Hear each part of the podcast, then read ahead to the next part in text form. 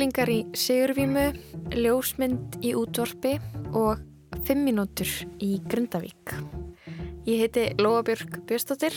Ég heiti Kristján Guðjónsson og þetta er lestinn þriðudaginn 14. november.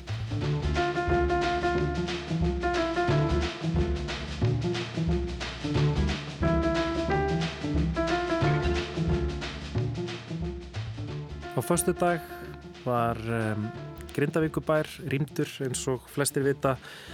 E, í gær byrjuðum við að heyra dagbækur nokkura grindvikinga sem hafa þurft að flýja heimili sín og við ætlum að halda áfram í dag heyra dagbækur þeirra Sigriða Gunnarsdóttur, Sigers Ævarssonar og Teresu Byrnu Björstóttur og eins og þarna kom fram þá ákvaða lauruglustjórun á Suðunesum í morgun að hleypa fólki inn á afmarkað svæði í Grindavík til að bjarga verðmætum af heimilum og úr fyrirtækjum. Söfnunarstaður er við bílastæðið að Fagradalsfjall. Þið bara farið inn og út í komsmeindur svæðið yes. eða heyrir sírunur eða lúður eða eitthvað svona þá bara strax út í bænum. Slepp öllu bara strax út í bænum. Loka hinn og loka bálegarnar okkar. Hérna er sprunga þessi gata bara upp bókstallega um aðra hæð. Íþróttahúsið. Shit. Fuck. Hvað fá með langa tíma? Fimm mínútur. Fimm mínútur hver maður. Þið er alveg að hörða því? Já. Æ, ein mínúta, kannski. Já, nú er ég að fara að yfirgefa húsið mitt. How does this feel?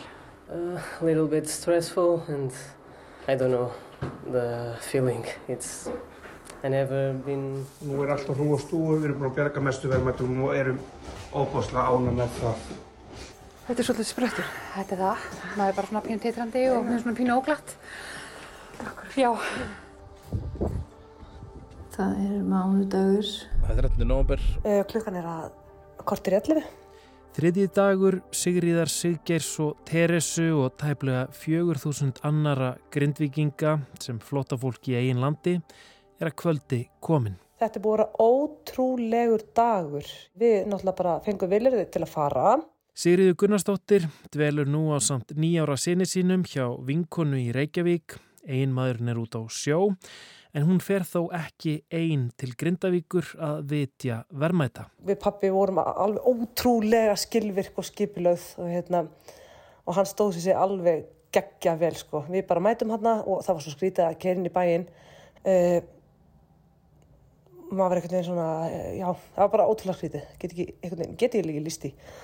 Og við komum bara hérna á húsinu og ég var með svona kvíðan hút í magan að fara að lappa inn. Þú veist, ég var bara eitthvað, þú veist, er allt ónýtt. En það var ekkert dotti niður hjá mér nefnum eitthvað aðeins í bórstóðskápnum mínum og við bara vorum búin að ákveða, þú veist, pappi náttúrulega, þú veist, ég var ekki fara að láta pappa taka neitt, þú veist, til að velja úr, þannig að ég sagði bara við hann, þú bara byrjar í fórstofinni, við vorum búin að taka ruslapoka og leiðinni var ég búin að, vorum við búin að, hérna, opna ruslapokana og setja onni hvern annan, þannig að, veist, það tekur tíma líka að sleikja puttana og opna og, veist, það er bara slis og hérna, á pappa hugmynd, alveg snillingu sko.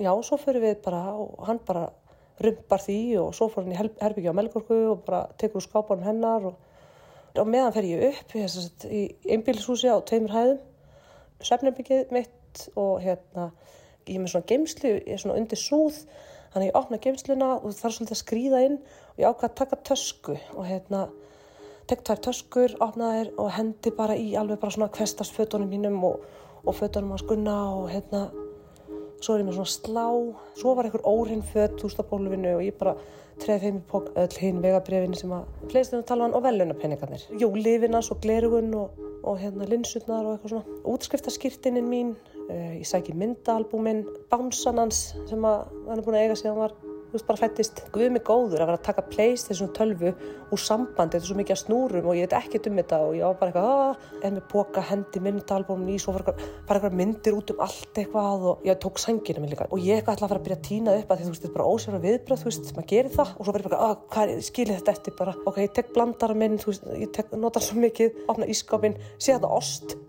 óopna hann eitthvað ákvað að taka hann, þú veist, ég veit ekki akkur en já, já, pappi, hérna fer út í skúr, sækir tvo hérna opna, svona ramasopna og hérna við setjum þá í samband annan inn í stofu og hinn inn í eldhúsi bara næri hæðinni.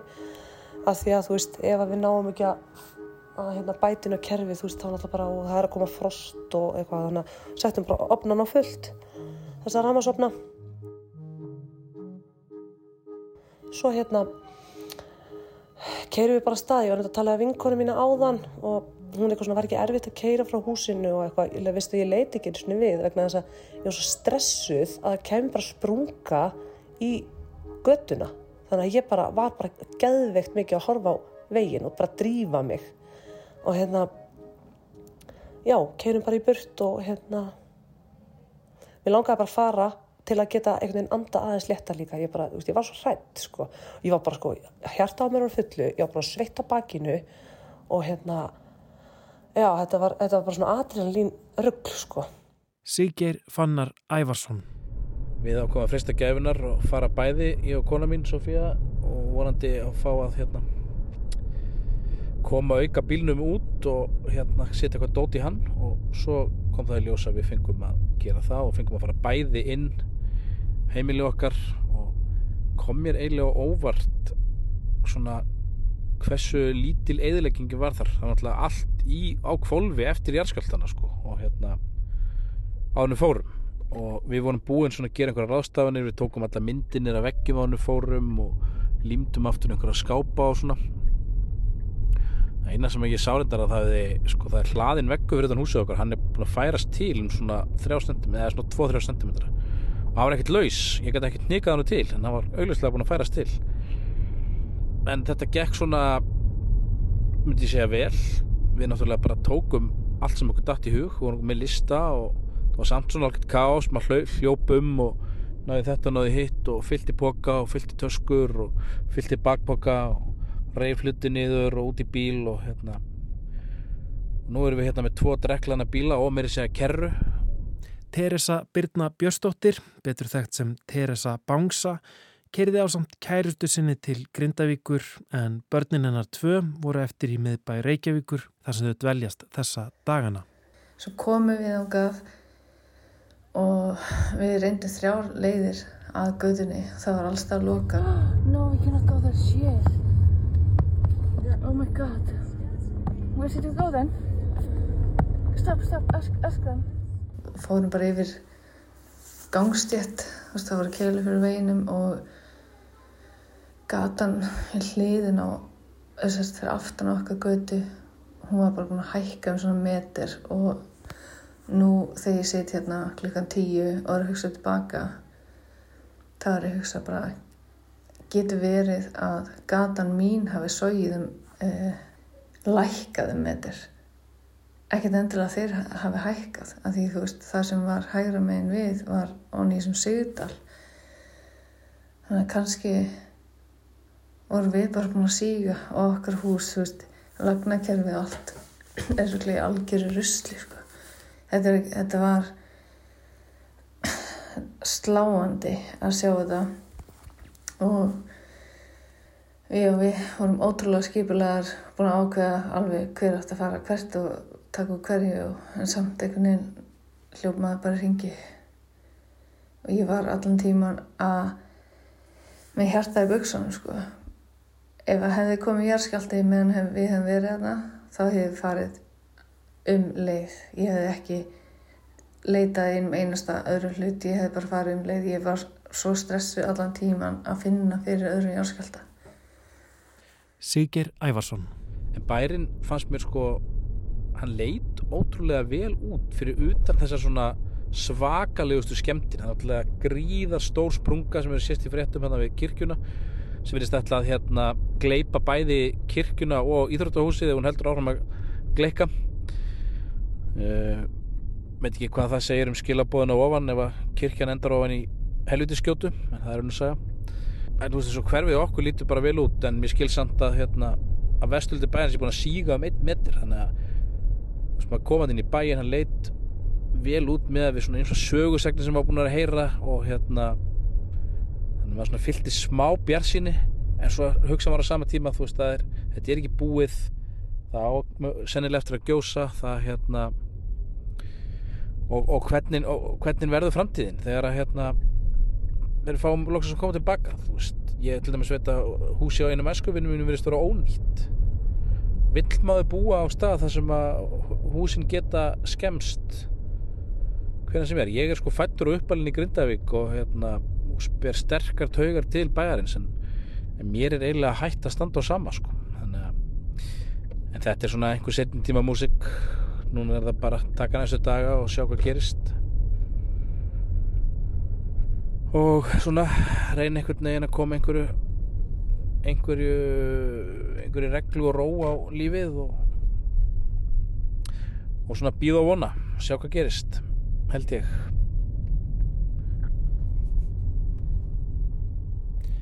Það er ennþá mánudagurinn 13. november þriði dagur Teresu sem flottakona í eigin landi. En já, í dag fóru sagt, máur minn með sína fimmana fjölskyldu, þau eru öll frá Pólandi. Þau fengu íbúð í garðinum, fá að vera þar í viku, svo verður bara allt óráðið, maður verður bara, bara og hvað svo, hvað eftir viku. Við erum blessunlega getum við verið hérna áfram á grundastygnum hjá frengum mínum og börnum líður vel og þetta er bara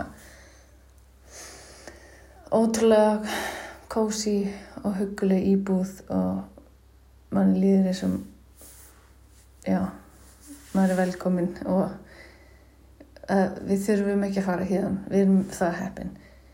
En ótrúlega margir eru bara með úrræði sem er bara í viku eða yfir helgina eða eitthvað þannig. En á sama tíma þegar þau voru að fara í gardin og ótrúlega erfitt að hverja þau. Þetta þá skrítið þannig að það var svona eins og bara sjáast við aftur einhvern veginn. Veist, við höfum að hverja þau á sama tíma að vara í pínu öfundsjók en samt ekki. Þú veist, mér langaði alveg að þú veist, þau eru að fara í gardin það er svona svipað. Og í Grindavík þú lappar út og þú sérð í allar áttir. Þú sérð náttúruna eins langt að auga eigir. Ég fekk bara svona pínu innan okkar að kent að vera í miðbænum og þú bara, þú kemur út og þú veist, það er fólk að labba fram hjá glugganum einhvern veginn. Saman hvað ástænd það er í og það stutt í allt. Þetta er alveg indislegt, við erum ótrúlega heppin en samt æg, maður finnur bara einhvern veginn hvað maður er mikið það er ástæða fyrir maður bjó í Grindavík það er samfélagið og það er náttúrann allt sem við gætum gert. Ég veit ekki. Veit ekki hvað ég get sagt meira.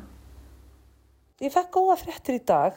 Sigriður Gunnarsdóttir. Bróðurinn og mömmu, hann hérna hafði samband og er búin að bjóða okkur íbúðina sína. Hann er að fara ellendis fram á áramótum uh, í Kópavói og sem er alveg æðislegt af því að þú veist þó að sé eins og ég er bara hérna á vinkonu minni og það er alveg ótrúlega notalegt þá, þá bara er ó, ómetalegt að fá svona hérna, og geta bara verið með dótið sitt og verið bara einhvern veginn heima í allavega smá stund. Teresa aftur. Ok, í gerðkvöldi þá var ég að ræða við kjærstunum mína sem er frá Pólandi og hún var að spyrja mig ok, við fáum að fara heima morgun hvað er það mikilvægsta fyrir því? Hvað er það mikilvægsta sem þú ert að sleppa tökunum af? Og ég sagði, það er bara ekkert heima hjá mér er mikilvægt, einhvern veginn. Það mikilvægsta fyrir mig er bara allir vinirnir einhvern veginn og þetta samfélag. Og þú veist, hún sagði, ef við getum aldrei farið heim aftur hvað þá, þú veist, hvað viltu taka með þér og ég sagði, mér er alveg saman hvað ég tek með þér ég, ég tek samt ekki samfélagið með mér veist við erum öllin hótt fyrst og bast. Bara einhvers staðar þú veist dótti mín og sína vini þeir eru einhvers staðar og svona minn og sína vini og þeir eru einhvers staðar annar staðar og, og við erum okkar vini og fjölskyldur og við erum bara öll einhvern veginn út um allt.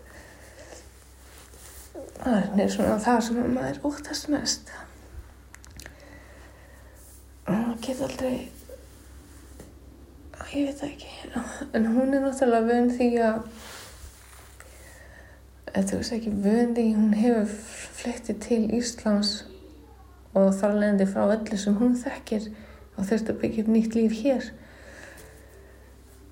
og hún er að reyna að hugsa einstum mig og segja að það sé alltaf lægi, þú byggir alltaf samfélagi kringu þig einhvern veginn.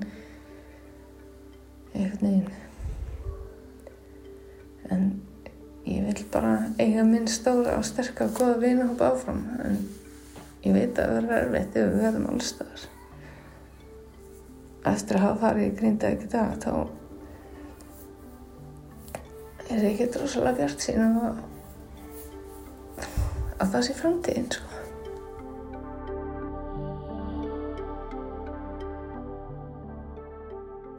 Jæja, það er þriðudagsmorgun held ég alveg ábyggilega, jú, 14. Í november. dag er þriðu dagur, 14. november, klukkan er hálf tólf. Ég svaf ekki mikið í nótt. Af öryggis ástæðum er verið að rýma Grindavík eftir að gasmælar veðurstofunar síndu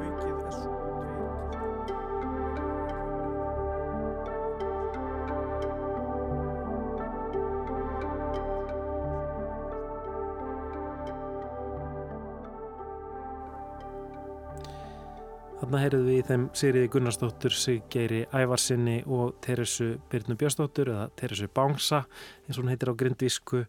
Þau hafa verið svo um, frábær að taka upp hugsanir sínar og tilfinningar undanfarna daga og um, munu halda, halda því áfram. Uh, við heyrum vonandi í þeim um, einhver tíman á næstunni og vonum að þeim gangi allt í hægin eins og öllum grindvíkingum. Mm -hmm. Við ætlum að fara yfir í aðeins aðrar pælingar. Um, Una Marja Magnúsdóttir er grafiskur hönnur.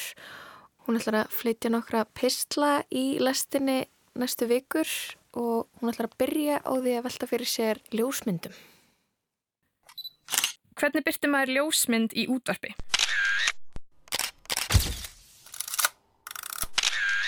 Þegar þú horfir á mynd, eins og ljósmynd eða teikningu, blasir ekki verið passífur flötur, heldur tólkar það sem hún sérð á myndinni ósalrátt út frá öllu því sem hún hefur séð og upplifað. Þú sé ljósmynd af stabla af matarkessi frá frón og hugsa um kvöldkaffi í vatnaskói, en ég sé ljósmynd af stabla af matarkeksi frá frón og hugsa um bekkisistum mína á grunnskóla því amminar byrju fjölbílshúsi sem lítur út eins og stabli af keksi. Við tengjum það sem við sjáum á myndum við minningar og frásagnir og umbreytum tólkunni úr mynd í orð. En er orð fullnægandi til að tólka mynd? Er hægt að umbreyta mynd í orð og svo aftur í mynd? Geti líst ljósmynd svo nákvæmlega með orðum að það sem hlustar sjáu sömu mynd í huga sér og ég sé á tölviskjánu fyrir framann mig? Eða erum við í saminningu að búa til nýja mynd í huga hlustanda sem ég menn aldrei geta séð? Og þá vaknar spurningin, hjá mér allavega, hvað er mynd í raunni? Hverju er maður að lýsa þegar maður lýsir ljósmynd? Hvort er ég að reyna að tjá formin og litina og línurnar sem ég sé á fletunum eða það sem ég upplifi þegar ég horfa á hana? Mínar eigin tengingar, hugsanir og minningar. Eða kannski blanda báðu, hæfilegt magn af staðrindum á móti skaldskap. Hvort nægi að lýsa myndinni betur með því að vera hlutlaus eða hlutræk? Ég ætla að prófa. Þetta er lítill rauður bíl á malarvegi, einhver staðar í litáin. Hann verðist verið út í sveit við hlýðin á grænu engi á sólringum degi, sennilega um sumar. Svona engi látum alltaf hugsa um það þegar ég var barn, þegar mér þótti náttúrulegt að hlaupa og öskra og baða át höndunum þegar ég var á grænu engi, sem ég gæti svo sem alveg gert ennþá. Við sjáum utan á bílinn, en við sjáum ekki alveg hver ekur. Við sjáum köplóta ermi og hendi sem heldur um stýrið, en það sem þetta ljósmynd er eiginlega ekki hægt að segja til um það hvort bílinn sé kyrstæður eða aka mjög hægt. Við sjáum ekkert reik þyrlast upp á eftir honum. Út um eitt glukkan á bílinnum stendur ljár. Ljár sem gæti verið notaður til að skera gras á grænu engi á sólryggum degi, en ég tengi ljáun fyrir ekki við dauðan. Ekki dauðan sem melankólist fyrirbæri heldur persónugerungi dauðans í æfintinum fyrir börn. Maður með ljáin sem heimsækir gamla veika konungin í Söpnubergi hans efst í törnunum á miðnætti, slingi sláttumæðurinn. Að romantísera dauðan og ég ber líka að romantísera sveitalífið, það að slá gras á sólryggum degi, hvers manns draumur. En það er eitthvað við rauða litin á bílinum, tilöksunum öskur frá því áðan, afskekti sveitina og svo auðvitað ljáin sem kallar fram pælingar um morð. Ég sé núna að það er ekki alveg heiðskýrt heldur að skíabakki í fjarlægð og það er alveg óþægilegt að hugsa til þess að hér er ekkert nema bara þessi rauði bíl og malarvegur og engi eins langt og auðað eigir. I looked up and I realized I was sitting in a photograph. I remembered clearly this photograph was taken by my mother in 1982 outside our front garden in Hampshire. It was slightly underexposed. I was still sitting on the bench, but the colors and the planes of the road and horizon had become the photo. If I looked hard, I could see the lines of the window ledge in the original photograph. were now composed by a tree branch and the silhouetted edge of a grass verge. The sheen of the flash on the window was replicated by bonfire smoke, drifting infinitesimally slowly from behind a fence. My sister's face had been dimly visible behind the window, and yes, there were pale stars far off to the west. Ég ger mig grein fyrir því að mér þess að orðin sem mér fundust vera hlutlust eru það ekki. Í mörgum tilfellum hef ég bara tengt það sem ég sé við eitthvað annað, frekar hann að raunverulega lýsa því. Og með því að hlusta á þessa lýsingu mína hafið eiginlega frekar fengið insinn í það hvernig ég hugsa heldur en greina góða lýsingu á þessari blessuðu ljósmynd. Þið sjáu þá kannski ekki sömu ljósmynd og ég, heldur frekar eitthvað eigin útgáfa af henni. Og sama gildur um flest sem ég myndi reyna að lýsa, hvort sem það væri ljósmynd eða ekki. En eru báðar aðferðir ekki frekar ónákvæmar? Að tala um hvítan postulínsdisk frekar en disk sem að geta fundið í félagsheimil út á landi? Helsti munurinn er sannlega að sá að sá sem ekki hefur komið í félagsheimili út á landi á bátt með að sjá fyrir sér diskin sem ég er að tala um. En á hinbóin veri hægt að sjá fyrir sér óendanlega margar tegundur af hvítum postulínsdiskum sem eru ekkert líkir þeim sem ég er að hugsa um. Ætli þetta hverjast eiginlega bara um það hver það er sem er að hlusta. Ég á auðvildara með að lýsa hlutum fyrir fólki sem ég þekki sem hafa þá séð og upplifað svipa hluti og ég. Ég get kokkað upp ansið nákvæma lýsingu á hvítum postulínsdiski fyrir bræðu mína til dæmis. Þetta er diskur sem er aðeins minna en mánaðastalsdiskarnir sem eru til heima, með sumu glansandi postulins áferð og postulinstóti sem amma málaði í handavinnunni, en svo er hann með blári rönd við kantin eins og diskur sem kom óvart heima okkur eftir fermingun á spenna. En án þess að geta nýtt með tengingar við aðra diska sem við höfum séð áður, verður mér sennilega ómögulegt að lýsa nákvæmlega gljásti í postulinsins og hvaða hvítið tótnir á því. Það er einmitt með svona tengingum sem litum er til dæmis líst í orðabók. Í íslenskar orðabók er hvítum list sem því sem er á litin eins og snjór, sama við um japanska orðabók, en í ennsku er þess aukist minnst af mjölk og í indonesísku er miða við bómull. Útskýringarnar miða við það sem íbúar að málsvæðum þessara tiltæknu tungumála þekkja og geta samsara sig við, sem er svo sem nokkurn veginn augljóst þegar maður pælir í því. Það var vennilegasta aðferðin fyrir mig til að byrta ljósmynd í útvarpi sennilega að kanna vel hvað hlustendahópur kemur til með að hlusta á mig og finna til tengingar sem sáhópur getur samsara sig við og nota þær til að lýsa ljósmyndinni. Ég get nota lita orð og einföld lýsingar orð sem lýsa stærð og afstæðismynd þátt til hver annara En svo þarf ég að reyna að finna tengingar sem eru nú sérhæðar til þess að lýsa því sem ég vil lýsa, en nú almennar til þess að þeir sem eru að hlusta þekki þær og skilji hvert ég er að fara. En svo í upphafi eru við að tala um blanda af báðu. Hæflegt magn af staðrindum á móti skaldskap. In those days, there was a kind of fever that pushed me out the front door into the pale exhaust fumed park by Broadwater Farm, or the grubby road that eventually leads to Enfield. Turkish supermarkets after chicken restaurant after spare parts shop. Everything in my life felt like it was coming to a mysterious close. I could hardly walk to the end of the street without feeling there was no way to go except back. The dates I'd had that summer had come to nothing. My job was a dead end and the rent check was killing me a little more each month. It seemed unlikely that anything could hold much longer. The only question left to ask was what would happen after everything familiar collapsed. But for now, the summer stretched between me and that moment. It was ferociously hot and the air quality became so bad that by the evening the noise of nearby trains stuttered in in fits and starts, distorted through the shifting air. As I lay in my room I could hear my neighbours discussing the World Cup and opening beers in their gardens. On the other side someone was singing an Arabic prayer through the thin wall. I had no money for the pub so I decided to go for a walk. I found myself wandering aimlessly to the west, past the terrace of chip and kebab shops and laundrettes near the tube station. I crossed the street and headed into virgin territory. I'd never been this way before. Gravel-dashed houses alternated with square 60s offices, and the white pavements undulated with cracks and litter. I walked and walked because there was nothing else for me to do, and by degrees the light began to fade. The mouth of an avenue led me to the verge of a long, greasy A-road that rose up in the far distance, with symmetrical terraces falling steeply down then up again from the distant railway station. There were four benches to my right, interspersed with those strange bushes that grow in the area, whose blossoms are so pale yellow they seem translucent, almost spectral. And suddenly tired, I sat down. I held my head in my hands, feeling like shit, but a sudden breeze escaped from the terraces, and for a moment I lost my thoughts in its unexpected coolness. I looked up, and I realized I was sitting in a photograph. I remembered clearly, this photograph was taken by my mother in 1982 outside our front garden in Hampshire. It was slightly underexposed. I was still sitting on the bench, but the colours and the planes of the road and horizon had become the photo.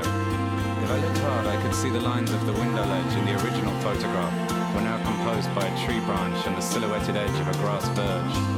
The sheen of the flash on the window was replicated by bonfire smoke, drifting infinitesimally slowly from behind a fence. My sister's face had been dimly visible behind the window, and yes, there were pale stars far off to the west that traced out the lines of a toddler's eyes and mouth. When I look back at this, there's nothing to grasp, no starting point. I was inside an underexposed photo from 1982, but I was also sitting on a bench in Haringey. Strongest of all was the feeling of 1982ness. Dizzy, illogical, as if none of the intervening disasters and wrong turns had happened yet. I felt guilty and inconsolably sad. I felt the instinctive tug back to school, the memory of shopping malls, cooking, driving in my mother's car. All gone, gone forever. I just sat there for a while. I was so tired that I didn't bother trying to work out what was going on. I was happy just to sit in the photo while it lasted, which wasn't for long anyway. The light faded, the wind caught the smoke, the stars dimmed under the glare of the street lamps. I got up and walked away from the squat little benches and an oncoming gang of kids. A bus was rumbling to my rescue down the hill with a great big Via Alexandra Palace on its front. And I realized I did want to drink after all.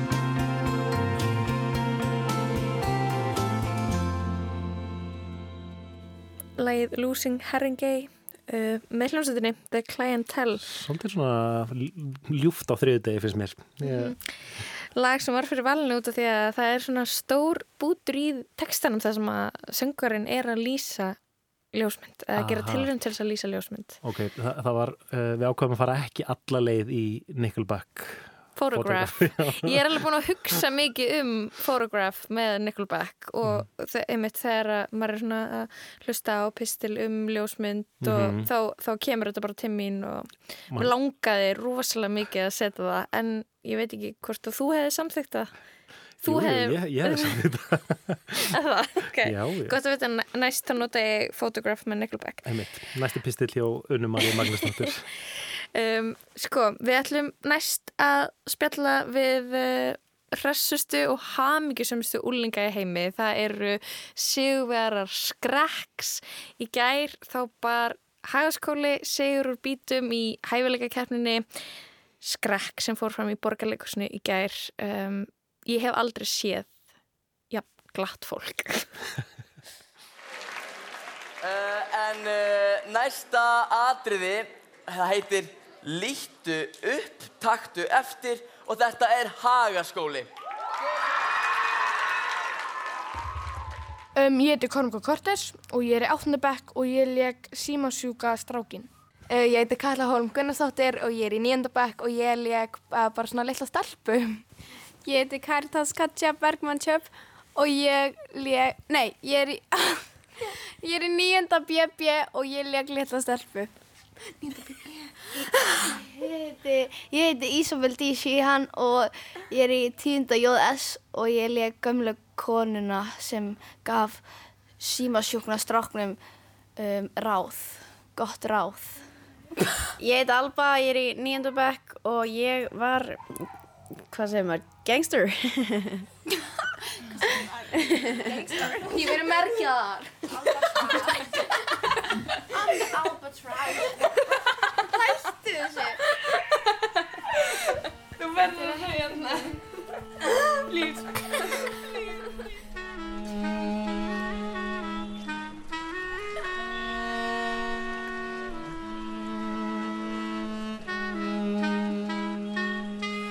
Þú erst svo indæll við mig Næ ekki augum af þér Myndið þér líka við mig Við, við vorum með ógeðslega margar hugmyndir og eins og flestir segja bara voru það ógeðslega margar hugmyndir og komum þetta í eitt aðri en við vorum bara eitthvað að spjalla nokkri, svona, nok nokkri höfundar sem eru þá í tíundabæk Fyrst ætli vildum við gera svolítið bara svona atrið um að njóta lífsins og tilgangin og eitthvað þannig. Og hérna og síðan fekk einhver hugmyndina bara á að gera um símafíkn og, og koma því fram að hvað maður missir mikið part úr lífinu ef maður er alltaf að eigðunum í síman og eitthvað hannig. Eru þið bara öll sammála bara, herri já, ok, gerum um símafík, eða hvernig? Ég man, ég man, þegar ég sagði hvað við gerum um símafík, allir voru bara svona, já, oh my god, og því að þá komum við eiginlega öllum hugmyndunum í eitt með því að gera það um það. Þannig, já, ég man allir voru eiginlega bara sammála því og það bara var ekkert vandamál. Sko. Dái þig elskan ef það er allt í læg og els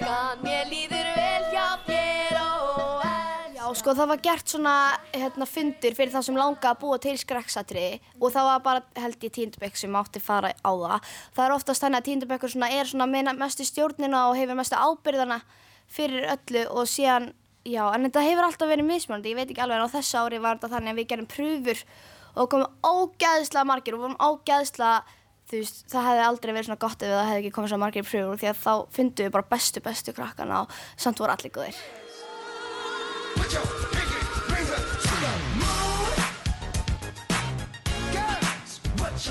Sko við gerum það oftast og því að eru svo margir hæfileikar ekki dansarar í hagaskóla og oftast er hagaskóla með flott dansatriði en hérna okkur langaði líka að koma öðrum hæfileika fram eins og söng og leiklist og fimmleikum og okkur þannig. Það var bara markmiði ára að hafa meiri hæfileika og hérna það var bara ekkert matamál því að komið ógíslega góði söngarar í pröfur og bara allt var geggjað. Hvernig leiðir í ger? Mér leið bara svo vel, sko. Bara, ég hef ekkert mikið að segja, sko. Þetta er bara, mér leið svo vel, já. Var gaman að, að sína? Ógeðslega skemmtilegt. Þetta var bara crazy, sko. Það er geggjað. Og hérna, bjóstu við því að vinna? Nei, eiginlega ekki, sko. Nei, ég bjóst kannski við í besta fallið, þú veist, þriðja sæti. Ekki við fyrsta. Mm. Voru ykkur hérna atrið sem þú hugsaðir þetta er að fara að vinna? Já, mér fannst aðna seljaskóli alveg sjúklega flott og aðna, mér finnst bara öll ógeðslega flott sko, mér finnst bara öll ekki. Hefur alltaf langað til að taka átt í skrekk? Sko, ég, ég fór í pröfunar til, til, til gamans, sko, ég vissi eiginlega ekkert hvað það var, hvað það var um, ég fór bara í þetta gamans, sko, svo, nei, eiginlega ekki. Hvernig líður ykkur tveim upp á sviði? Hvernig var í gerð? Bara gaman, eða það er ekkert stressandi, það skilur, fyrst var þetta stressandi en dansin og bara allt sem við gerum er svo fastin í vöfuminninu okkar þannig bara við bara, við gátum ekki rugglast, þetta var bara svo gaman Voru þið búin að æfa ótrúlega mikið? Já, alveg mjög mikið mm -hmm. bara, já, bara mjög langar og langar æfingar og búin að æfa okkur ótrúlega mikið á þessum æfingum Er bara dagurinn ykkar er hann búin að vera undarfarnar mánuði bara skóli og svo skrekksæfing eða? Já, já. Já, mjög mikið. Eru þið bara oft í vika á skræksæfingum? Já. Já, eiginlega. Eiginlega, sko. En, en hvað ætlaði að gera núna þegar þið hérna, skrekkur er búinn og þegar alltaf náttúrulega mikið frítíma? Pizzapartí. Oh. Var gaman með krökkunum sem voru í. Ætlaði að halda áfram að hittast eitthvað? Já. Já. Já. En sko, en rifrildin, þetta var, það var engin rifrildi beint, þetta var, þetta var geggja ferdi, ég þurfti að öskra smá, smá, smá. já. Þurftu ég að svona, var erfitt að halda aganum uppi eða? Sko, ég bara, sko, Ég, ég bara, ég bara, það sko. eru mjög margir æstuði krakkar í þessum hóp. Já. Yeah. og skilur, en það er gott, þá erum við ekki feimin. Já, já það við erum engin er feimin. og skilur en stundum var smá engin fókus á engum og þá myndi einhver að öskra og það þurfti að vera ég. Nei líka við vorum með það alveg á hreinu að við ætlum að vera ótrúlega góð við skólana við alla, og bara við alla sem voru að keppa og það sömu skólar í undanúsliðinum voru bara svona bara svona með stæla við okkur. Við brostum samt tilbaka til þeirra út af Já. þau fá karma, skilur í, í undanúsliðinum þegar við komumst áfram fór ég að fagna úslega mikið. Og það gæga með side-eye og svona andvarpaði. Já. Jæja, drengum minn góði. Nú þarf ég bara að spyrja Sérðu ekki hvað þetta indæla bæjarbúa fólk er að reyna að fá þig til þess að gera? Stundum þarftu bara að leggja þetta ráttæki frá þér og horfa á hvað er í kringu þig. Njóttu á með þú getur, vinnur. Maður er alveg háðið símanu sínum, skilur, og það er ekkert að því að maður, það, maður er það bara. Það er bara tæknin á bakgrunni, bara sálfræðin á bak... og hérna, já, og hérna, bara, og þetta er, þetta er eitthvað sem ekki allir fatta og mér langar að allir fatta þetta. Okkur langar líka að hafa bóðskap bara svona um að fara út og bara njóta lífsins og taka eftir lífinni í kringum hann. Finnst ykkur eins og, þú veist, að ég menna krakkarnir hérna í skólanum og, og vinnir ykkar, veist, að, og þið sjálf séu jafnvel bara svona oftar eitthvað svona heima í símanum heldur en að fara út að hitta vinni eða er það þannig? Sko, já, alveg í rauninni, sko, maður tekur varlega eftir en maður festist oft bara í símanum í marga tíma bara á TikTok eða eitthvað og maður bara, og því að það er svo ávanabindandi og það bara og þetta er svona mest slæmt um sumarið þegar já. maður, þegar bara frítími og maður er svona, á það er ógæslega gott veður. Og maður fattar þú veist að enginn enni með mann í sundi eitthvað og maður er bara svona, á, ok, maður fyrir bara í síman og maður bara festist í allan daginn og maður er bara, á, ég þetta að gera eitthvað í dag. Þetta er oftast svona um sömurið, sko. En þegar skólið þá er þetta ekki jafn slæmt en samt.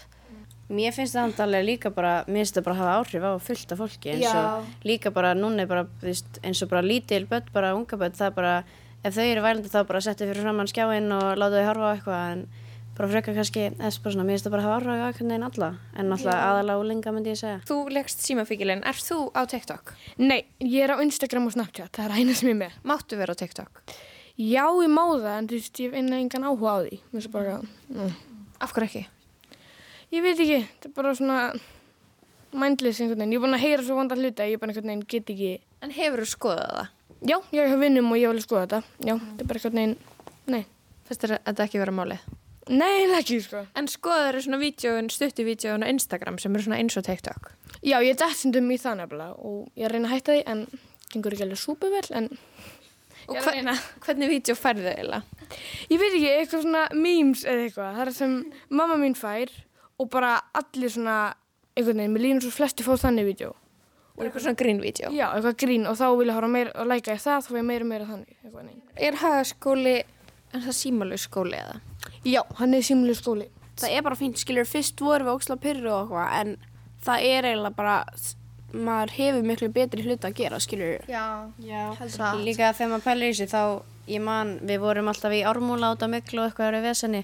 Það sátt allir bara í símanum og töluðið ekkert saman en eftir að símanleysi skólinn byrjaði þá er allir bara eitthvað að ég er bara að kynnast fullt af fólki miklu betur og bara, já, mér finnst það bara fínt sko.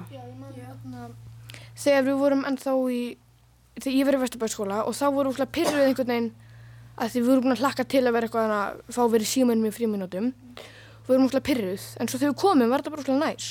Og haldið að þið spjallið þá bara meira saman, heldur en að þið verum með síman ykkar? Já, já miklu, miklu meira, sko. Já, miklu meira. mér finnst alveg, veist, ok, mér finnst símabannið svona, ég er með mjög svona mixed signals, svona Já, feelings um það, sko, þú veist, mér finnst allt í læg að vera með síman, en fólk þarf bara að kunna sig að vera ekki alltaf, þú veist, ok, ég veit, já, En, en er það mitt ekki máli út af því að uh, maður myndarlega vilja vera minna en maður hefur ekki stjórn á því út af því að þú veist það er svolítið þannig og líka það er, lá- það er svona eiginlega hvað atriðin okkar var um, þú veist, þetta er svolítið svona ávanabinda, maður getur eiginlega ekki, þú veist, maður er, lang- maður er alltaf svona, hei, ég ætla að fara síman, og maður tekur varla eftir því sjálfur, skiljur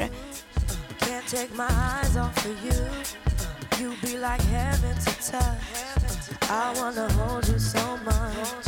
At long last, love has arrived. And I thank God I'm alive.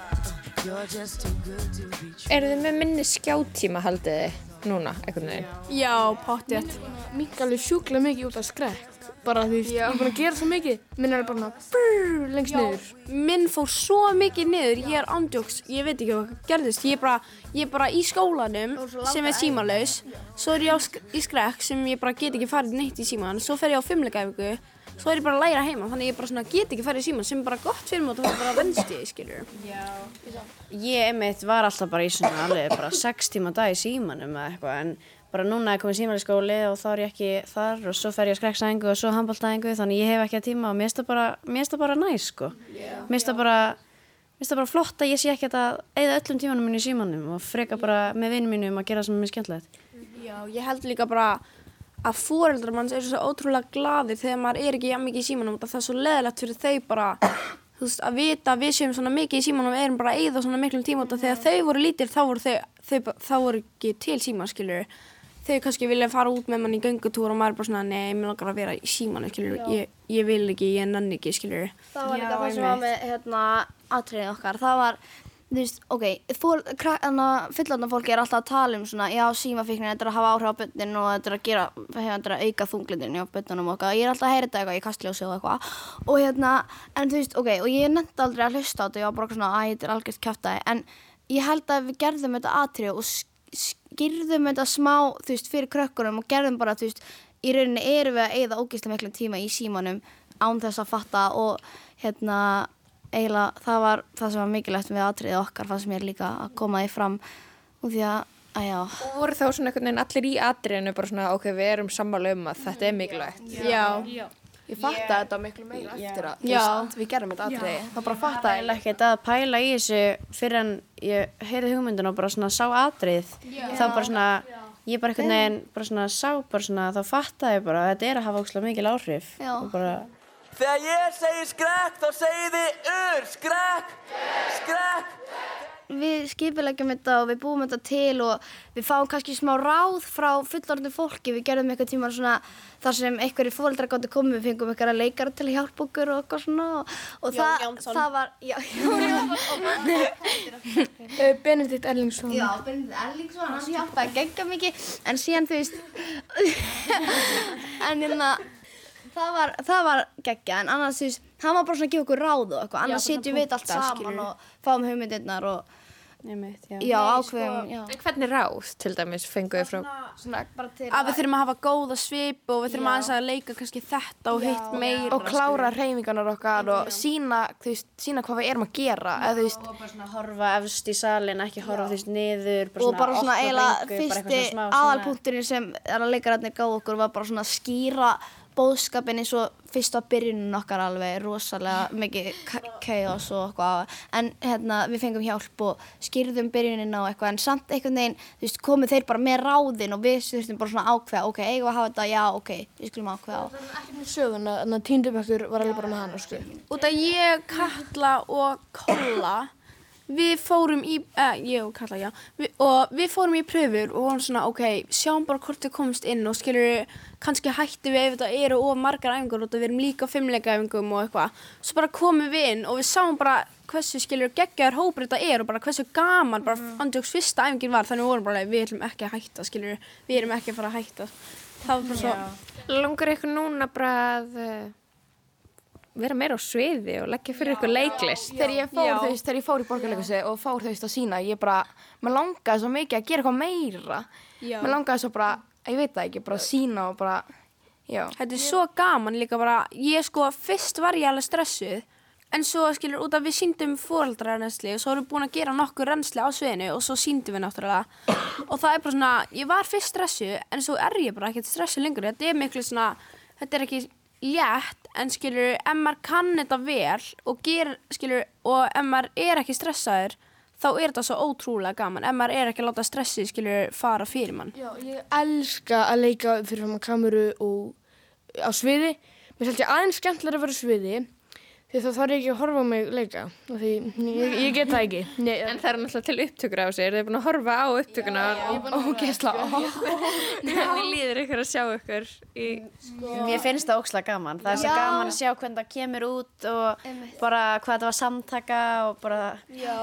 Mér finnst líka bara svo skrítið skilur út af við erum búin að vera þetta svo ótrúlega lengi og sýsti mín, hún er bara alltaf að horfa á þetta, ég bara eiginlega skil ekki hvernig út og ég er svona, ég er ekki komið leið á þessu en ég er bara búin að hlusta á þessu sömu lög svo oft og bara svona, þannig ég er bara svona hvernig, hvernig finnst þetta svona skemmtilegt atrið skilur Er það litla sýstin? Nei, eldri sýsti mín. Er hún búin að horfa óslega oft? Já, hún er bara alltaf að horfa á þetta. Já. Hvað, na, hvað segir fjölskyldan ykkar um þetta? um, bara atriða um já, mömmu og pappa og bara allir fjölskyldunum minni fannst það bara mjög flott atriði. Og þau, var bara, þau sagði við mig sko að ég- við varum frá að vinna og við unnum. Komum fóreldra þínir að horfa? Uh, mamma mín og stjúpmamma mín komu að horfa á þetta Sýsti mín sagði að pappi minn öskraði herran í fótballtaleik og hann öskraði mjög hátt. Þegar þegar við unnum, skilur, þannig að hann var mjög glaður. Og mamma líka. Ég held ég hef aldrei verið svona glöð í lífinu mínu. Já, Nei, já. já, ég fór að gráta. Ég, ég, ég, hef, ég hef aldrei grátið og gleði. Og ég bara, ég bara, ég bara Og þið að gráta og gleði líka? Ég fór reyndar ekki að gráta en ég var bara svona, ég var svona gati ekki, ég var svona, ég bara gati ekki hægt að brosa. Þetta var Já. svo gaman. Ég þurfti að fara að gráta allan tíman ég var bara svona með svona Já, ég gæti svo ekki, bara- ég gat ekki hægt að brosa. Og svo bara, ég bara trúði sig ekki, svo ringdi ég mömmu og það bara fatta að ég vann, ég byrjaði bara að gráta, ég var bara, ég var svo glöð. Já, líka, skilur, segir mér er bara svona við bara svona spyrja bara svona hvað hva, hva vinnum maður eiginlega ef maður vinnur skrekk og þau halda kannski að maður vinnur peninga Já, eitthvað það en við vinnum styttu og við vinnum líka bara heiðurinn á að skilur við fáum að hafa þessa styttu þanga til, já og medalju og þetta er bara svo gaman, þetta er líka ekkert bara eitthvað minninguna. við, já. minningin og þetta er bara svo gaman skilur við fengum að koma fram á þessu sviði og fengum að vinna þetta og það þýr að við vorum með besta atrið og það er bara svo gaman ég mun aldrei gleyma þessu. Þetta er bara minning sem ég mun alltaf muna eftir. Sigurveri Skrekks og við fáum stittu 2023 er Hagaskóli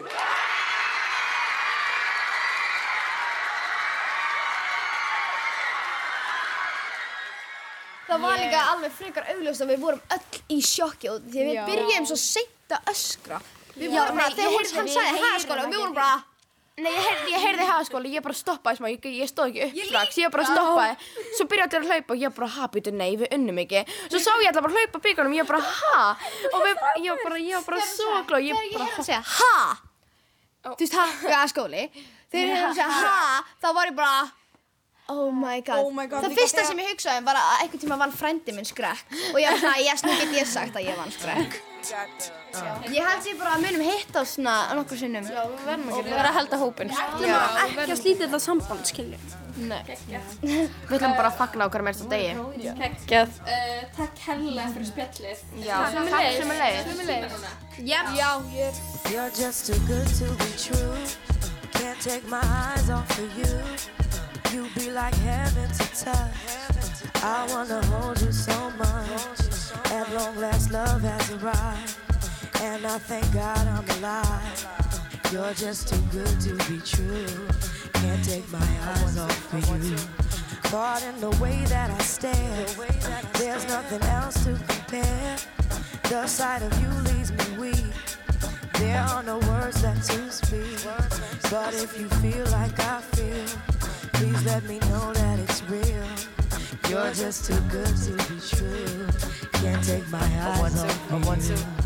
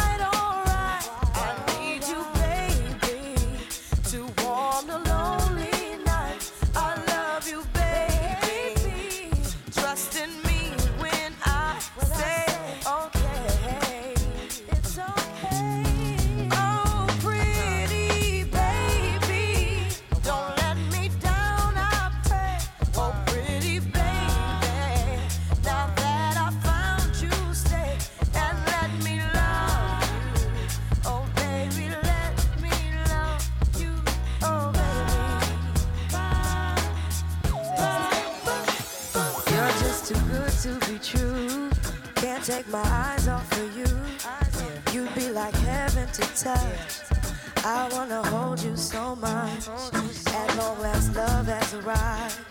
And I thank God I'm alive. You're just too good to be true. Can't take my eyes off of you.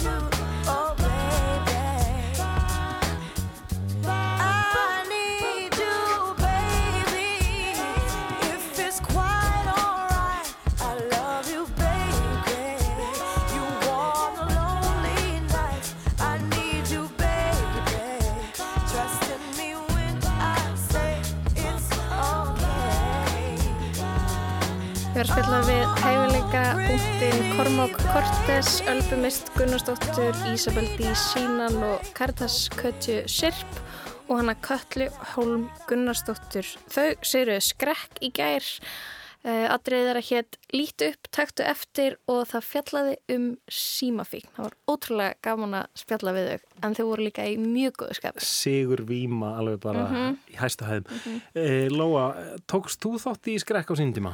Sko, Sviðslista kona Já, einmitt. Sko þegar ég tók þátt í skrekk og líka þegar ég var í hernótt í MR þá var ég alltaf í búningunum og sviðsmynd. Ég var svona, Mm. langaði ekki að vera hann inn á sviðinu. Þannig að sko já, ég tók þátt í skrekk og var að gera búningana grímur, svona hvítar grímur uh, og atriðið sem ég tók þátt í það fjallaði um hrunið. Aha, einmitt. Það, er alltaf svona mikil, hérna, mikil bóðskapur, mikil merking í, í verkunum hana, í skrekk. Já. Hefur svona Þú þró, veist, þróast í þá Já, einmitt, þetta er líka bara pældiðið, þetta er einhvern veginn fyrsta skiptið þar sem maður getur tjáð sig opinberlega og maður er með bara beina tengingun á heimili fólks og Mhm. það er bara fullt af fólki að horfa, fullt af úlingum og þú hefur einhverja fimm mínútur Einmitt. þá vil maður segja eitthvað að sjálfsögðu. Um, en hérna, ég verði eiginlega að, að rifja upp, sko, ég sá, sá í fyrra, hérna heimildamindina, hérna, skrekkur bak við tjöldin sem, a, sem að var sínd, ég heldum að það er sínd rúf, með minni það í, í, í fyrra, um, sem að voru sem sagt, eh, nokkri strákar í tíundabæk í laugar, laugalækjaskóla um, gerðana semst fylgdust með ferlinu þegar hérna, laugalækjaskóli tók þátt í skrekk og þetta var eiginlega alveg frábær mynd sko, og, og svona geggjuð insýn í Mhm. bara tilfinningarna sem liggja þarna baki og vinnuna og, Þetta er náttúrulega ótrúlega spennandi Já. þetta er bara uh, eins og krakkarnir töluð um hafa bara aldrei verið eh, jafn ána með neitt Mhm. eins og þau voru með að vinna skrekk í gær sko. Mjög skiljanlegt, mjög skiljanlegt. Um, en já, lestin verður ekki lengri í dag. Um, við uh, höfum heyrt hérna dagbækur, grindvinga, hljóðdagbækur uh, fólk, frá fólki sem hefur þurft að flýja heimili sín. Uh, heyrðum í dag um, um það þegar þau fóru í gær að, að sækja muni, verðmæti á, á heimili tilfinninga, tilfinninga tengda muni, alls konar. Um, svo fengum við pistil um ljósmynd í útvarpi. Og svo skrekkur, uh, Sigurvera skrekk 2023 En já, lesnin verður ekki lengri í dag. Við Kristján og Lóa þökkum samfélgina tæknumæður var Lidja Gretastóttir þangur til á morgun. Verið sæl